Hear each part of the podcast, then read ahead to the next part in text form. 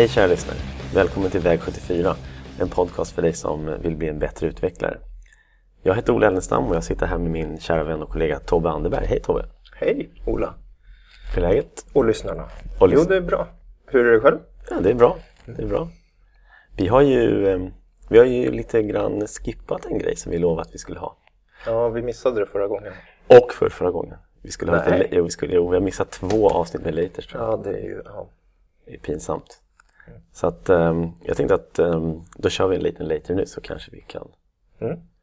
ehm, Det kanske känns lite så halv men en liten later om mig det, det, Jag älskar ju att laga mat Mm. Det, är Det ingenting- visste jag faktiskt. Ja det visste du Men det visste kanske inte våra lyssnare men Det är något sånt här som är så här super safe att säga ju.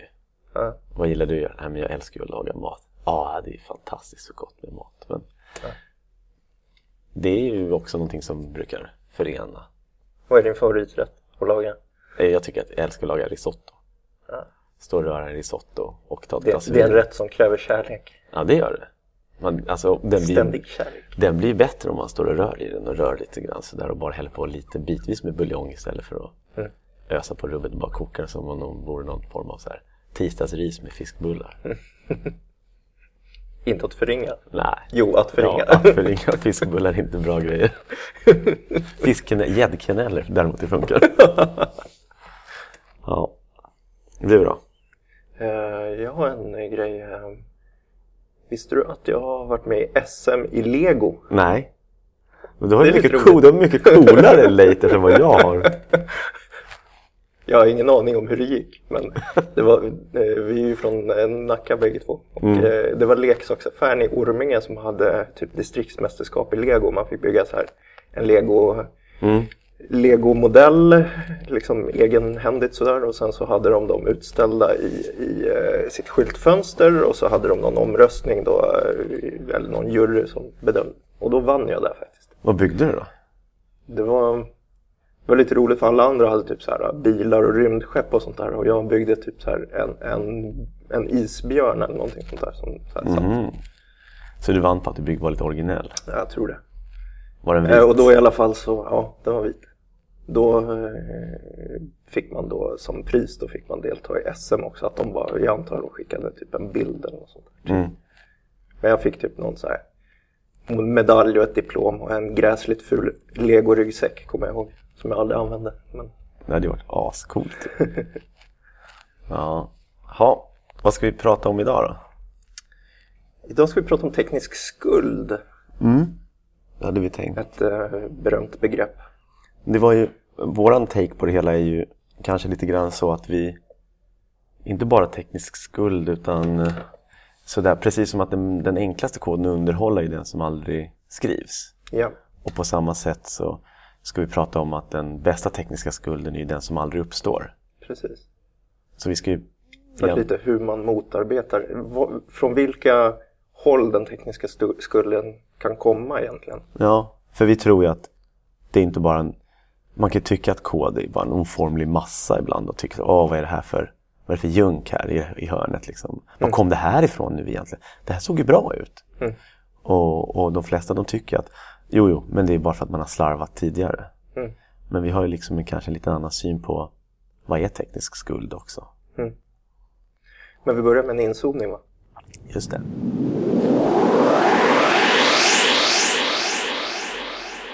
Du hade ju ett kanonförslag tycker jag på inzoomning. Ett, ett, ett ämne som jag vurmar lite för. Vad, hur, vad, vad är det för något? Vad är det för ämne och varför kom du på det? Ehm, det är mindset, eller vad ska man säga, mental inställning. Mm. Jo, jag lyssnar ju på andra podcasts också och eh, då lyssnar jag bland annat på en eh, podcast om spel och eh, om Counter-Strike framförallt. Mm. Och de diskuterade hur man snabbare kan bli duktig Counter-Strike-spelare. Då pratade de med en psykolog som pratade om det här med mindset, att man med rätt mental inställning kan eh, utvecklas fortare. Mm. Ehm, Och eh, då experten på Counter-Strike, eh, den ena av programledarna här, tyckte ju då efter att ja, det låter ju bra det där, men det där funkar inte alls på Counter-Strike. Nej, vad var de hade påstått? Ja, att, att man eh, då ska... Du vill ha en mental inställning att du ska lära dig hela tiden. Mm. En, en, eh, ett growth mindset som man säger. Då. Mhm. Ehm, så jag tänkte vi, vi skulle ta upp det i alla fall här. För det är någonting som har hjälpt mig väldigt mycket, det här med eh, mindset. Mm. Och det kommer ju från, från ehm, en psykolog som heter Carol Dweck som jobbar på Stanford tror jag. Kanske. Stanford University. Hon har forskat mycket på det här med mindset och skrivit en bok bland annat. Ehm, och hon delar upp mindset, hon har sett två grupper egentligen som är fixed mindset och growth mindset. Mm. Och i, i grunden så är det egentligen hur man ser på intelligens.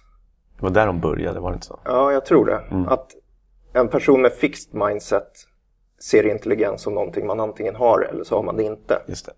Så att man föds i princip med en, en intelligens. Eh, Medan en, en person med growth mindset ser intelligens som något som går att, att vidareutveckla. Precis som vi har pratat om hela tiden, att det är en muskel som går att Ja, träna upp. Ja, liksom. jo, men jag håller verkligen med om att det, det, är, det är så jag vill se på det, på det hela. Jag vill inte tro att jag själv föddes med någonting och sen så har jag det och sen blir det inte något mer. Precis. Och det, det ska tilläggas att det här är ju inte ett, oftast inte ett medvetet val du har gjort utan det är ju någonting som är betingat redan sedan väldigt tidiga. Det är inte så här att du har funderat så här, hur ser jag på intelligens? Nej, Nej. jag ser det nog så här. Liksom. Men, men den inställningen man har visar sig påverka väldigt mycket dina val du gör och hur du beter dig i, Ja. i diverse situationer. Ehm, det man till exempel har sett då att en person med ett fixed mindset eh, jagar hela tiden bekräftelse i allting. För att det är, ju, det är ju så, om man tror att antingen är man intelligent eller inte, då vill man ju hela tiden få bevis på att man är intelligent. Ja, just det. Och det leder också i sin tur till att man, att man eh, undviker att utmana sig själv för man vill inte misslyckas. Nej. Det, nej, men man identifierar sig ganska hårt med att jag är den här smarta killen eller jag är den här, så här duktiga tjejen eller, eller vice versa. Mm, precis. Och misslyckas du så tyder det på att du inte är tillräckligt duktig. Nej. Um, Medan en person med ett growth mindset ser ju snarare då gillar att utmana sig. Och misslyckas man så är det bara ett bevis på att jag ska försöka ännu hårdare. Mm.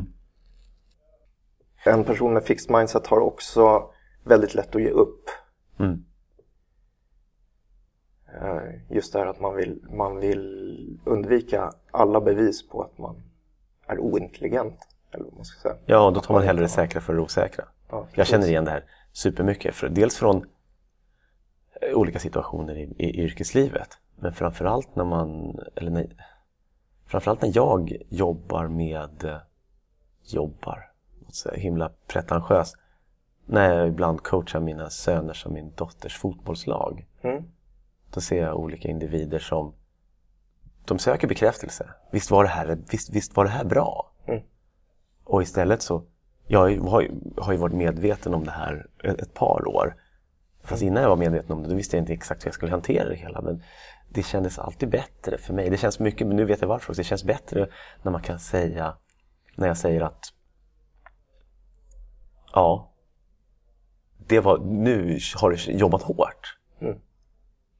Och det är precis det man såg i den här forskningen också. Att man gjorde experiment på, på eh, man lät barn i en klass göra ett prov. Ja. Eh, och så hur man berömde barnen Ja. påverkade vilken inställning de fick till det här. Ja. Eh, och det handlar om nyansskillnader, bara en sån sak då, som att eh, ja, hälften av klassen fick veta att, att eh, nu har du varit duktig. Mm. Medan andra halvan fick det här måste, ni ha jobbat, måste du ha jobbat hårt med. Och bara den lilla nyansskillnaden gjorde att, att, att eh, de så tydligt fick den här mentala inställningen till, till Därför att om du får he- hela tiden höra att du har varit så duktig, du har varit så duktig. Så det, det blir så svart eller vitt liksom. Det finns ingenting att jobba med. Att antingen är du duktig, det är det bästa du kan vara. Ja, just det. Ja, precis. Eller så är du inte duktig, det är det sämsta du kan Och vara. det, vill- man vill absolut inte vara dålig. Mm, Nej, och du har liksom ingenting att jobba med där. Liksom. Hur, hur blir jag ännu bättre? För det, det finns ingenting som är ännu bättre än duktig. Liksom. Nej, det är of- oftast inte nej. Ehm, Framförallt inte värt en chansning att bli pyttelite bättre. mot att vara duktig redan. Nej. Så att det,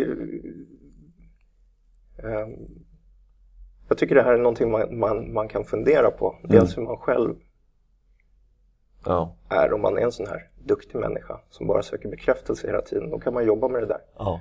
Och, och försöka tänka annorlunda. Tycker det kopplar lite grann tillbaks lite grann till det vi pratade om säkerhet. Ja, precis.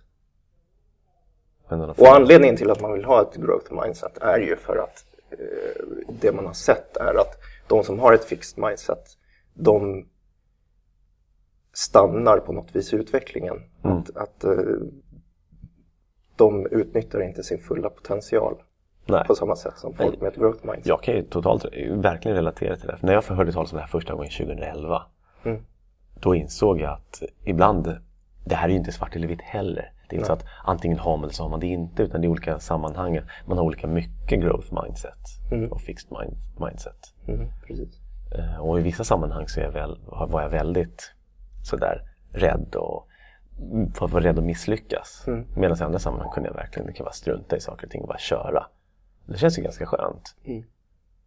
Så att, ja, jag tycker att det här är, är man medveten om det här man, och det brukar, det brukar vi ju säga att eh, första steget mot att bli bättre är att bli medveten om någonting. Ja.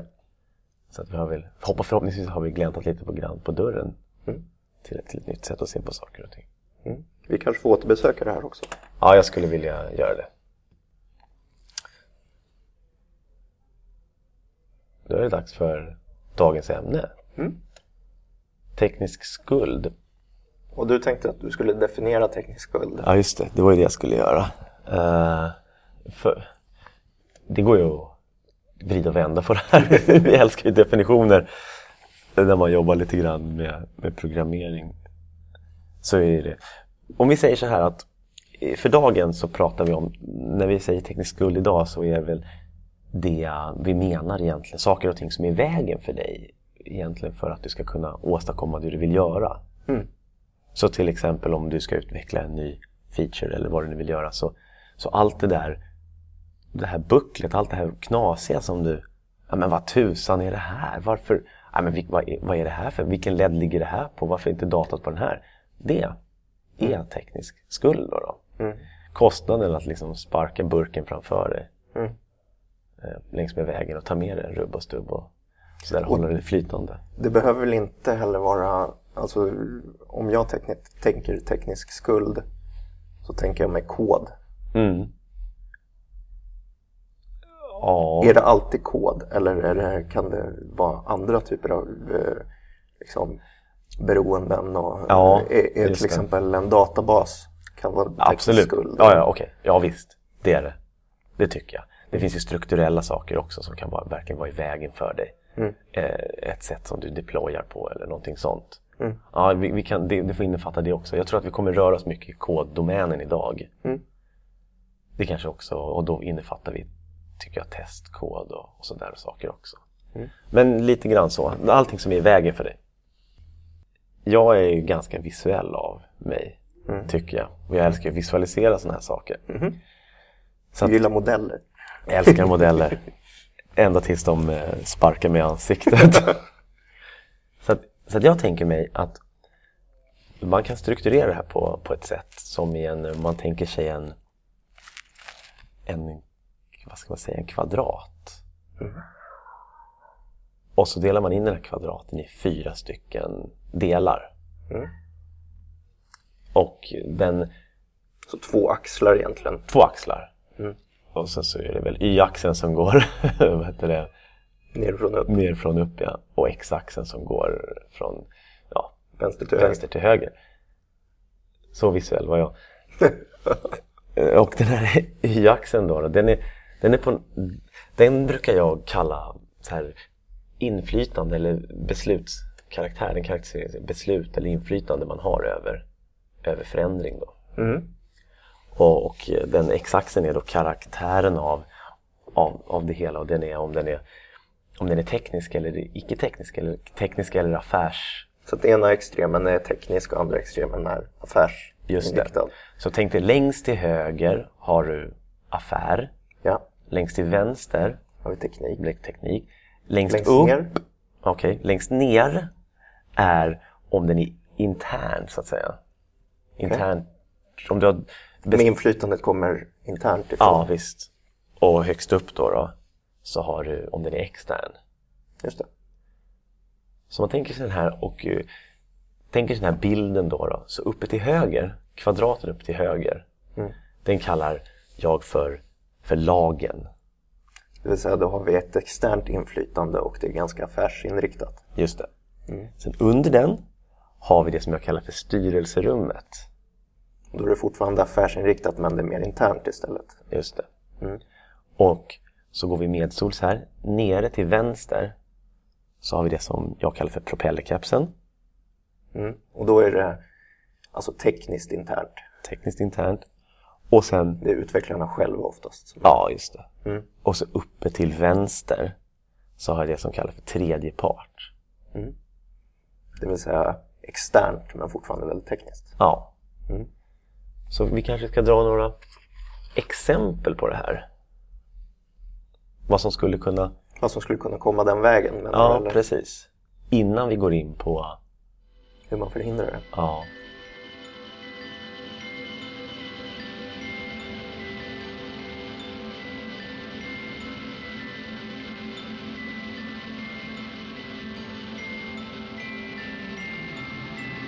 Ska vi dra de exemplen eller ska vi... Ja, har du några exempel? Ja, Och vi, ska, vi, ska vi ta en kvadrat i taget? det eller? gör vi. Mm. Det Så gör om vi börjar på lagen då. Vi börjar på lagen. Det vill säga externt och affärsinriktat. Ja, vad skulle det kunna vara? Ja, det kan vara lagförslag. Eller lagändringar till exempel. Mm. Jag vet till exempel, jag satt på ett pokerföretag där, som skulle expandera till Italien. Och Italien hade diverse så här maffialagar, höll jag på att säga. Som gjorde att man var tvungen att spara massa information som Ja. inte behövde sparas innan och sånt där. Nej. Och Den då, typen av grejer. Precis ju hamna där. och då känner man så här att okej, nu ska vi utveckla lite ny funktionalitet. Mm. Och så tänker man, ja men det här hade vi kunnat gjort ganska bra. Fast nu måste vi tänka på att eh, vi har det, vi har det här också. Mm. Och då kanske datat ligger på helt fel led. Mm. Men det känns som den här typen av grejer kan verkligen så här skärp, skälpa. Tänk dig att du, För att det kan vara väldigt stora förändringar som krävs. ja, För det är oftast är det grejer som man inte hade en aning om Nej. behövas. vi, vi pratar ju mestadels om agil utveckling. Mm. Och inom agil utveckling och som det, så som det praktiseras idag så jobbar man mycket med user stories och estimat. Mm. Det kan vi också diskutera i framtiden. Men för, låt oss liksom resonera att vi har, vi har eh, user stories och Mm. estimat. Och så sitter du där med en, en user story som du har eh, estimerat till x antal dagar, poäng eller vad du nu gör, hallonbjörnar. Och så säger du, ja men det här är ju en, det är en tolva.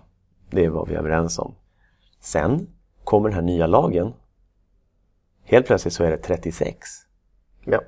Eller någonting helt annat. Bara för att nu är det en massa junk som du måste ta hänsyn till. Du måste ju, du måste ju refaktorisera om halva databasen. Du behöver ju det, här är ju... det här datat har vi inte ens tillgång till. Och då kommer din projektledare och rycker dig i örat och undrar vad fasken håller du på med? Mm. Hur kan du sitta med det här så här länge? Mm. Och då börjar du skruva på det och ja, eh, i bästa fall så känner de båda till begreppet teknisk skuld och så skrattar man lite och så ja, ni vet hur det är med teknisk skuld. Och så blev det jobbigt. Mm. Hur, hur, ska man hantera det här då? Mm, precis. Och Vad, kan man, vad kan man göra för att undvika att hamna där? Återigen så, så vill jag göra liksom en liten metaforisk beskrivning eller visualisering av det hela. Om man tänker sig den här kvadraten då Mm. och så tänker man sig att det är om man, när man spelar dataspel eller tittar på en karta Mm. så, så ser man inte hela kartan från början utan du måste utforska kartan. Mm. Och det är det jag vill att man ska göra då. då. Jag vill att vi ska utforska kartan. Vi ska få bort det som kallas vi, inom gaming kallas för fog of war. Ja, just det. Få bort den här dimman som ligger över, sjö, som ligger över hela kartan och hela bilden. Så du ska utforska den här och då, då tror jag att vad det gäller just eh, den här lagen då, den kvadranten uppe till höger. Där kan man vad det gäller den kvadranten upp till höger, där vill jag föreslå att, att eh, teamet tillsammans med en produktägare håller lite grann koll Mm. på nya lagar. Mm. Är det inom poker så är det väldigt viktigt att veta sådana här saker. Mm. Det Men där inom- måste man ju känna sin, det återigen handlar det om att känna sin affär också. För att det känns som att det där, eh, jag har inte så mycket data på benen, men det känns som att det är ett större problem inom viss, vissa branscher. Ja, det tror jag. Till exempel finans och eh, spel och dobbel. Det är mer, det är mer liksom eh, styrt av lagar och... Jo, det är väl lite därför jag refererar till den som, som lagen. Mm. Det är väldigt styrt av omgärdat av regler och restriktioner. Mm.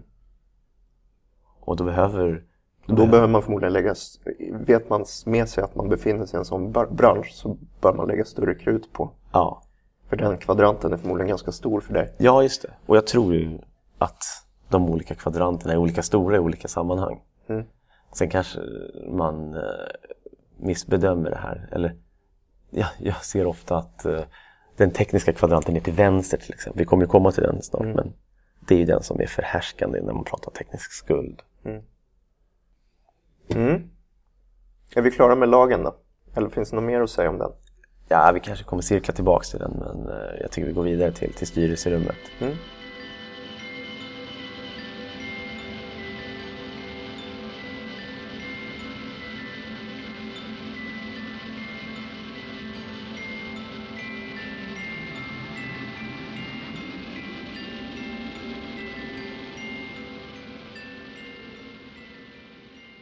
Som är Och då är det mer internt fast det är fortfarande väldigt business. väldigt business. Väldigt affär. Ja. Och när vi säger affärsorienterat eller business facing, alltså det är ju saker som, som icke-tekniska personer kan vara med och diskutera. Mm. Det, här vi, det här vi har uh, Dilberts chef som kommer och säger att we need a database. I hear more is eh, the fastest. Eller Precis. Vi behöver en ny databas. Ja, vilken har mest ram då? Lila. ja, det är precis så. Ja, nej, men ska, det här styrelserummet då, där är ju där är det många beslut som fattas. Och Mm. Man vill väl egentligen inte få rent tekniska beslut därifrån va? nej, Man vill inte bli, inte. bli styrd i sin teknik. För här får vi ju egentligen in det här med, med vi har 30 Oracle-licenser. Mm, Som vi har pratat om tidigare. Det det bästa. kan ju komma den typen av grejer. ja det är, det, det är jätteknasigt. Här vill vi ju att det ska vara affärsorienterade beslut. Ja, Fast vi vill att de ska vara understödda av teknisk, teknisk information. precis. Vi, vill- vi vill gärna att, att business-sidan ska vara medvetna om Mm. vilken typ av lösningar som är Ja, bestämmer, bäst för bestämmer oss. sig bestämmer företaget eller bestämmer sig den här produktledningen då för att gå den här vägen. Vad får det för beslut egentligen på den tekniska lösningen? Mm. Finns det någon snabbare väg framåt? Mm. Är det så att vi kan klara oss med eh, och bara få 80% av kunderna så behöver vi inte så behöver vi till exempel inte ha en massa hörnfall och då, då liksom kan vi klara oss med 10% av av liksom efforten, alltså hur mycket, vi, hur mycket energi vi lägger ner på det här. Mm. Den typen av... Vi, alltså jag säger att vi löser den kvadranten genom att eh, kommunicera lite mer. Mm. Plocka in propellerkepsarna i, i styrelserummet. Men Det handlar om att vara proaktiv och inte reaktiv. Mm. Annars är det rätt vanligt tror jag. Att man som utvecklare så sitter man där och håller på med sitt och bara okej nu kom det lite nya krav härifrån höger. Ja, Ja okej då får jag väl jobba med det då. ja. Men ingen kommun- kommunikation tillbaks. Liksom. Nej, och så, nej, det blir superreaktivt. Jag skulle vilja säga att, att, att förminska den här, eller att få bort den här eh, Fog of War, krigets dimma. Det är ju en, en proaktiv eh, lösning. Mm. Man går liksom och naggar i kanten och utforskar. Mm. Snarare än att låta, låta fienden så att säga hoppa ut från dimman och bara slå en i skallen. Alltså man vill även ha då utvecklare med på strategimöten eller vad man nu kan kalla det. Absolut. Hålla blicken framåt. Liksom. Mm. För då kan, då kan man förbereda sig väldigt långt i förväg vad på, på som komma skall. Ja, jag tror att det räcker med att plantera frön. Jag var ju med om en sån grej när eh, de personer som jag jobbar med nu, när en av de som är vad ska man säga, affärsorienterade någon dag sa Jo men Ola, vi har, vi har funderat på um, amorteringsfria lån. Mm. Och så satt vi hade en konversation om det där 5-10 minuter. Och sen så avslutade han med att säga att det är ingenting som vi ska implementera imorgon. Men, men låt det här ligga och bubbla lite i bakhuvudet. Mm. En halv, halvtimme, ett halvår senare, det var då vi då plockade vi upp den där bollen igen. Och då hade det där legat och puttrat i bakhuvudet. Du vet ungefär som när man kommer på saker när man står i duschen eller när man är ute och springer eller gör någonting helt annat. Bara, ja, ja, ja, det är så vi ska göra det där. Mm. Och jag tror att eh, hjärnan funkar lite grann så. Mm. Kan lägga saker i, i liksom, på någon form av långtidsförvaring. Mm. Så ligger de och nästan Ja, det löser sig bearbetas själv. ändå, Ja, det gör ju det. Så jag tror att förvarna. Mm. Så om man, om man i, i, i lagen, i, the, i liksom den kvadranten springer iväg och kollar lite grann sonderar terrängen. Så hur man sonderar terrängen i, i styrelserummet är genom att plantera frön Mm. hos utvecklare och testare och liksom hela organisationen. Ett konkret tips till produktsidan. Ja, Våra kära pro- projektledare som vi har dissat så mycket tidigare. ja men de, de har kommit nu, de har upptäckt den här podcasten och här får de sig någonting till livs äntligen. Jag hoppas de inte har upptäckt den tidigare för då har de slutat eh, lyssna också. Ja, alla sju lyssnare vi har. Ja, och så rör vi oss mot det mer tekniska hållet då. Mm. Men stannar på den interna sidan. Ja, det tycker jag. Kommer till den här kvadranten som du pratade tidigare om är den största. Jag tror att Eller jag mest, traditionellt den största. ja, det tror jag. Det får absolut mest fokus när vi säger teknisk skuld.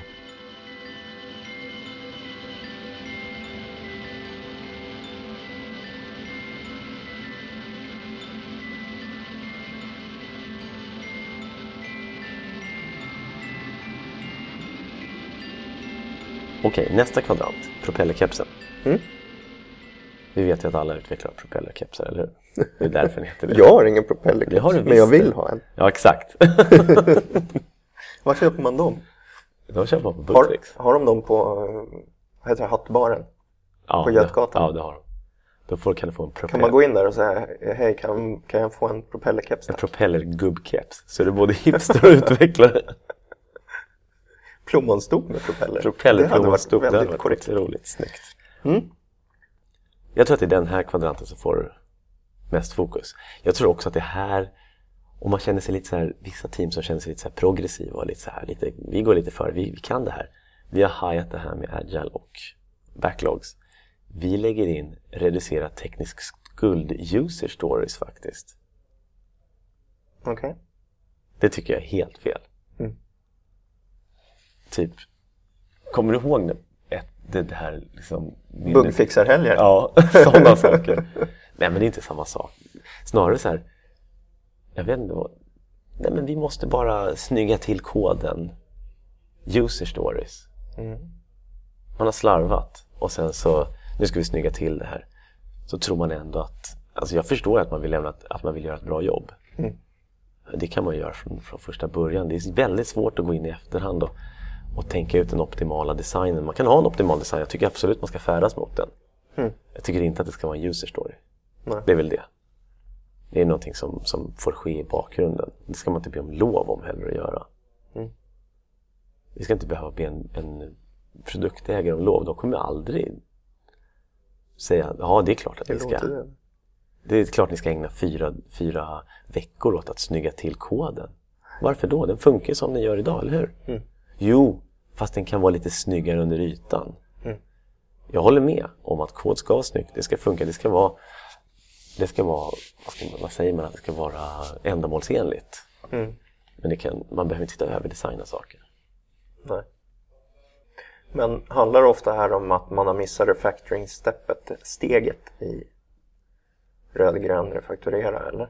Ja, det, det, det kan vara det. Då får man en enklare design. Mm. Och så blir det lite mer flexibel och, och lätt att jobba med. Mm. Men det kan ju också vara Förhoppningsvis, förhoppningsvis. om man gör det rätt. Det kan ju också vara en sån sak som att ja, vi, eh, vi jobbar med eh, en ganska imperativ kod. Vi jobbar med, eller, och så bestämmer vi oss för att vi vill vara lite mer eh, funktionella i vår approach. Vi vill att kod ska vara sidoeffektsfri. Mm. Och så börjar man på det. Mm. Så hittar man sin gamla kod och då blir det lite grann som årsringar i, på ett träd. Att vi ser, oj oj oj, här ser koden ut så här. Ja, det där är ju kod från 1992. Mm. Ja, men sen så bytte vi liksom, sen bytte vi paradigm lite grann. Mm. Och nu ser koden ut så här. Det, ett, av, ett av mina favoritexempel är en kodbas som jag stötte på. Som var, det var en webb, webbapplikation. En del av det var ett gammalt webbramverk som heter Struts. Mm. Kommer du ihåg det? Ja, jag har inte använt Nej, den. det var, det var det hetaste som fanns när det nu kom. Mm. 2001, 2000. Sen kom någonting som heter Webworks tror jag. Så bytte, bytte den här kodbasen karaktär lite grann. Först var det Struts, sen Webworks eller vad det hette, och sen kom Spring och Hibernate Mm. och skulle ersätta det här och, och ett template-ramverk. Så det fanns inte, inte mindre än tre olika webbtekniker i det här. Mm. Det var ett riktigt härke till kodbas. Mm. Det, jag förstår att det tar en stund att, att byta ut en teknik och få bort en teknik. Men det känns lite sådär att ha tre, tre stycken tekniker levande samtidigt. Mm. känns onödigt. Men, eh, så du tycker att det är värt att lägga den tiden att, att försöka, om man nu har tre tekniker, att jobba bort en teknik kan vara värt då? Ja, det är det. Absolut. Det kommer nästan alltid vara värt det. Inte, inte, För, inte men så... om det är kod som man aldrig kommer ändra då? ja, men när man är där, då passar man på. Mm. Inte före. Mm. Utan när du besöker den, då försöker du jobba bort. Du försöker jobba mot någon form av mål som, som ni som grupp har. Mm. Alltså det, det, det, det är så jag tycker att man ska ta hand om den här kvadranten. Pö om pö. Och ha någon form av vision. Och visionen, det mest praktiska i en, i en vision, så att säga, hur, det, hur man tar sig an det, det är väl kodstandard. Mm. Att man har en gemensam kodstandard. Det är ju liksom en, en implementation av, av ett synsätt, av en av så här ser vi på saker och ting och sen så börjar man med en, med en kodstandard och sen så därifrån kan man ta, vid, ta sig vidare till att idiomatiska, hur gör vi? Hur gör vi for-loopar eller hur jobbar vi med for-loopar eller filtrerar vi listor och jobbar med någonting annat? Mm. Så jag tror att det, är så jag tycker man ska ta hand om den kvadranten, propellerkepsen. Att införa nya tekniker till exempel. Mm. Faller det in under den här kvadranten eller är det, det gör det egentligen för det är ett internt beslut ofta. Mm. Ehm, Det är klockrent. Klockren propellerkeps. utvecklare som vill ha en ny teknik på sitt CV till exempel. Ja, det faller ju Det kan man ju göra men eh, man bör ju vara medveten om vad man den mängden, det kan ju vara väldigt mycket teknisk skuld man tar på sig på ett bräde där Ja. genom att föra in en ny teknik. Ja, till visst. exempel, ja, jag ska använda Ruby till de här grejerna. Mm. Det behöver inte vara fel men så och sen kan... så är det någon annan som ska ändra det här som inte kan Ruby. Ja. ja, då sitter de där och har en otrolig uppförsbacke helt plötsligt. Mm. Jag var ju väldigt nära att trycka in Hibernate i ett projekt som Mm. det hade nog varit riktigt dåligt. Och inte för att Hibernate är dåligt utan Inte bara för att Hibernate är dåligt, nej men ja. Visst, så är det. Mm. Så man får vara lite varsam. och det är lite så här real options där också. Ja, Hålla sina optioner öppna. mm. Om man committar sig till Ja. att använda Ruby just det. så behöver man vara medveten om vad man... Ja. Jag brukar säga det att att skaffa mjukvara, det är ju som att skaffa barn. Ja. Man får ju underhålla det där. Oftast lite längre än vad man önskar.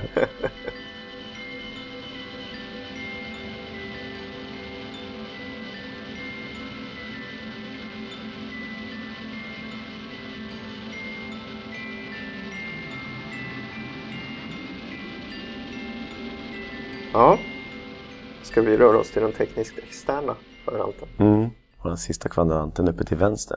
Mm. Vad kallade du den för något? Third party? Ja, Tredje tredje part. part. Och det är väl för att den är ganska tekniskt orienterad. Mm. Och har lite, är fortfarande extern då, då. Ungefär som att du jobbar, tredjepartsleverantörer, vad kan det vara? Databasleverantörer, Google API, Mm. andra saker som du bestämmer för att att, att införskaffa som ska, ska liksom hjälpa ditt projekt eller ditt, din produkt. Här har man ju stor hjälp av Maven. Eller hjälp av Maven. Går, Jag fick senast igår ett mail från, från eh, en arkitekt, eller vad man ska kalla honom. Och liksom, jag måste gå igenom beroendena, vad fan är det här för någonting? Var, varför ligger det med i den här produkten? Och så började jag kolla, ja, det är något så här transient beroende från den där gamla ja. grejen vi har där. Det är väldigt lätt att få ner hela internet när man använder mejl. Ja, visst.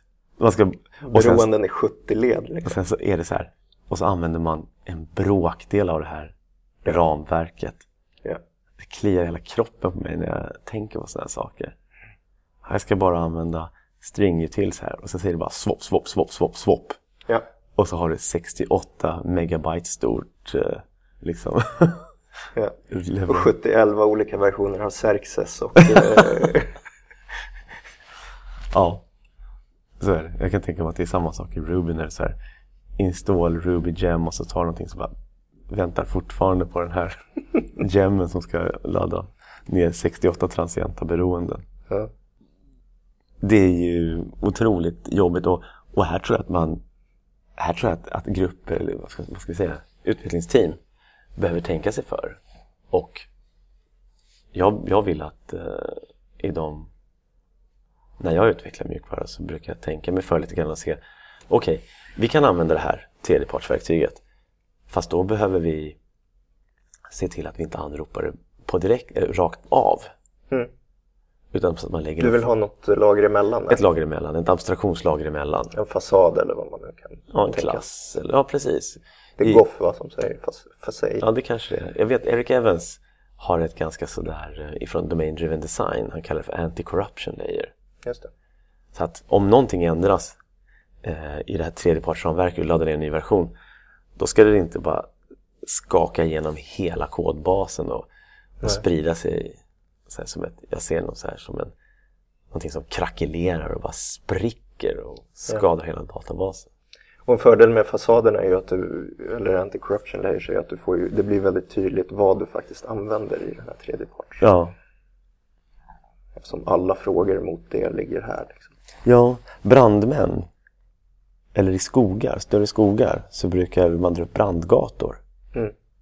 Som gör att det brinner i en del av skogen så när de här träden, då, då sprider sig inte branden över hela skogen utan det blir lättare att bekämpa branden också. Mm.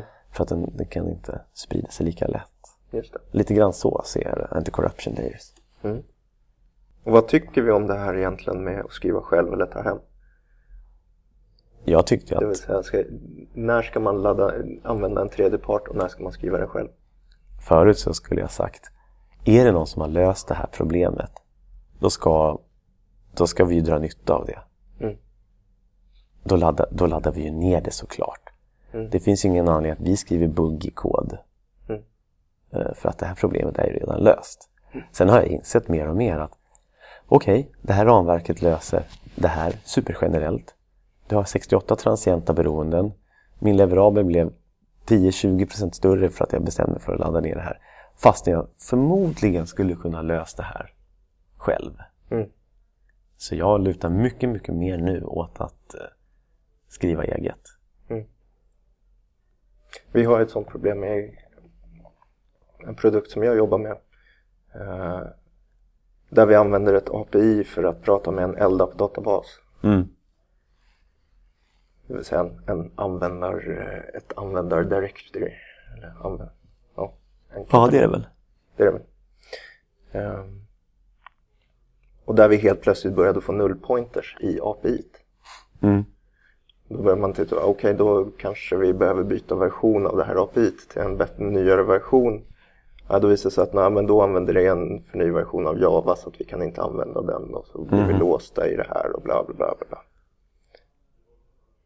Och prata med en LDAP-databas är ju inte rocket science egentligen. Nej. Och det är ganska få frågor som vi ställer mot den här. Ja, ja, ja. Så nu har vi börjat titta mer och mer på då att vi kanske ska skriva den där biten själva istället. Och inte vara beroende av att det är några andra som gör, något, som gör fel. Liksom. Nej. Ja. Går det bra då? Vi har än så länge inte, för det ligger något prestigebeslut i det där också. Jaha, Att det är det här API som ska användas. okej. Vi har ju ändå en licens. Så det är ett pågående... Nej, det, är ju, det handlar ju, för det är ju internt dessutom. Okej. Ja. Ehm, Nu när vi ändå har investerat så mycket i det här. Jag vet inte varför det, varifrån det kommer egentligen beslut. Nej. Det, och ändå, när man ändå bestämmer sig för att okej, vi ska... Vi kastar, och säg att ni skulle kasta ut det här tredjepartsramverket. Då finns det ändå en, en idé med att ha det här antikorruptionslagret, den här brandgatan. Mm. Men det har vi. Ja. Så tillvida så skulle det också bli ganska enkelt att skriva det själv tror jag. ja. Jag tycker att det, det är värt att överväga det i alla fall. Det handlar bara om att slå an rätt strängar åt affärssidan. Ja. Eh, vendor lock-in tänkte jag på också. Mm. ja men det, exakt. Det ska man ju också akta sig för kanske. Ja, känner man att så här, ja, höjer de licenspriset för det här? Eller kommer de ta betalt per connection nu? Då är vi körda. Mm. Det är en sån typisk grej att, oh, oh vi har ganska mycket uppe i vänstra kvadranten. Mm. Tredjeparts. Eh, Då kan man börja fundera på så här, att, att utforska terrängen, sondera terrängen lite mer där. Mm. Och se, så att, för då har ju precis fienden hoppat ut ur den här krigsdimman Mm. och lappat till en i ansiktet. Och det vill man ju inte. Nej. Jag vill inte att, jag vill inte stå där överraskad. Så jag tycker att den här, den här lilla kvadranten, de här fyra kvadranterna är ganska, så, det är ganska kraftfullt som en, som en tankemodell, en övning. att Vad har vi mest förändring någonstans? Var kommer den ifrån? Mm. Är det affärssidan och externt? Är det, är det lagen eller är det propellerkepsen? Är det liksom massa hittepå som teamen gör? Mm. Så jag använder den för att in, internt i mitt huvud fundera på var ska vi lägga lite mer energi på att utforska, ta bort lite dimma. Det, mm, man skulle kunna använda det här som en övning i Gather Information på ett retrospektiv. Till exempel. Absolut. Rita upp en, den här modellen och fundera lite på Jag den. älskar ju sådana, kallar det för heatmaps. Va? Ja, det är. Där, vad, vad, vad finns det mesta? Vad ser vi flest prickar?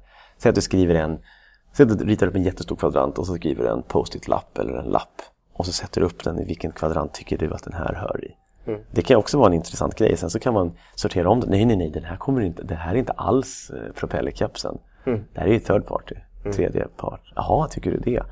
Ja. Och sen så kan man se så här, ja men det finns 80% av våra grejer kommer från korkade beslut från styrelserummet. Mm. Eller 40% av våra grejer kommer från eh, tekniksidan och 60% kommer från externt, från affärssidan. Mm. Det kanske är nyttigt att det är så. Det är, kanske är dumt om det är 80% från tekniksidan och 20% från affärssidan. Mm. Jag tror att det är olika Mm. från, från fall till fall. Jättebra tips faktiskt. Bara ta ett retrospektiv på att fokusera med tema teknisk skuld och rita upp det här. Mm. Bilda sig en bild av. Mm. kommer man få ett bättre, en bättre bild på sin egen affär också. Det tror jag. Det tror jag. Mm. Var vi klara så? Jag tycker det. Det finns ju bara en av våra... En, min, min favorit kvar här. Jaha. Det är ju kortkommandot. Ja, visst det. Har du glömt kortkommandot? Jag höll på att avsluta det här. Just, kan inte stänga utan kortkommando. Okej, jag börjar. Jag, mitt kortkommando den här gången är snarare ett koncept än, än, än ett enskilt kortkommando. Det, är- det är ibland som jag står och tittar över axeln på folk som skriver. Mm. Och skriver, antingen ser man i Word eller ser man i någon annan editor och skriver text. Och då är mitt, mitt kortkommando den här veckan är kontroll och pil höger, pil vänster. Mm. Då hoppar man från ett ord till ett annat ord. Mm. Så istället för att sitta och trycka på pil höger, pil höger, pil höger, pil höger 60 gånger för att färdas 60 tecken så trycker man kontroll, pil höger, pil höger, pil höger. Så har det färdats några ord åt sidan. Ja. Eller kontroll, pil vänster så är det i, i början på ordet. Mm. Och det här finns ju såklart i de flesta eh, vad ska man säga, ställen där du editerar text. Just det. Det finns bland annat i, i Bash så är det Alt och B för backwards och Alt och F för forward.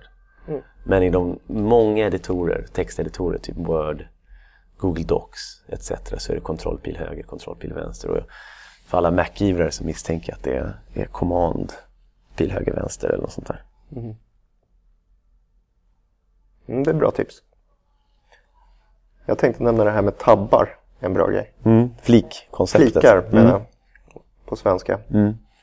Eh, och det är ju i, i webbrowsers, det finns även i terminaler och sånt där. Det finns ju oftast ett tab-koncept. Mm. Att du väldigt snabbt kan bara öppna en, en ny tab för att liksom inte störa det du håller på med om du ska göra någonting annat. Nej. Eh, Command T eller Ctrl T för att öppna en ny tab. Ja. För att stänga den tabben du befinner dig på så är det Ctrl W eller Command W. Det, kliar, det kliar i kroppen när folk drar upp muspekaren och ska trycka på det lilla plusset. Då vill jag bara skrika i örat på Kontroll T! Kontroll T!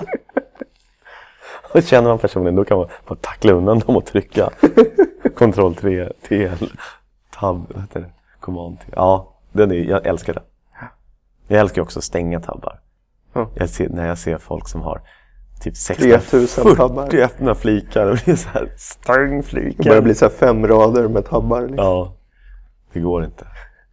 Fönstret är 10 pixlar högt för att Ja. resten är tabbflikar. ja. Ja, det är bra. Hur gör man nu igen då om man vill komma i kontakt med oss? Man mejlar väl? Mm. är väl säkrast? Nej, det är det inte. Det är säkrast är nog Twitter, men, men man kan mejla oss. Men vi har kom kom på det. Vi har inte heller dragit hashtaggen. Det är VAG74 Ja, just det. På Twitter menar du? på Twitter. Ja. Man behöver inte hashtagga sitt mejl. Nej, det behöver man inte göra. Uh, mejl skickar man i alla fall till podd agical.se. Ja, Det är ganska enkelt. och på alla sociala medier så använder man hashtaggen VAG74. Ja. Och vi syns mest på Twitter. Fortfarande inte på Instagram. Jag finns på Instagram. Gör du? Ja. Jag ska börja kolla på hashtaggen Heter du att Elnestam där också eller? OELNE. Oelne? Men nu har jag en idé. Ja. Om någon bestämmer sig för att köra ett retrospektiv återblick Mm. på det här och köra de här tekniska skuldkvadranterna skulle jag jättegärna vilja se en bild på det där. Ja, just det. Det vore coolt. Avhemliga då om de har massa hemliga. Ja, just det. Mm. Och så taggar man den VAG74. Det är bra. Uppmaning. Mm-mm. Det tackar vi alla lyssnare. Jag ska säga att min Twitter-handle är att Tobbe Anderberg också. Och min Twitter-handle är @elnestam. Ja. Ja, då, då, det är stort tack för alla lyssnare som har lyssnat hela vägen hit. Så hörs vi om en par veckor igen.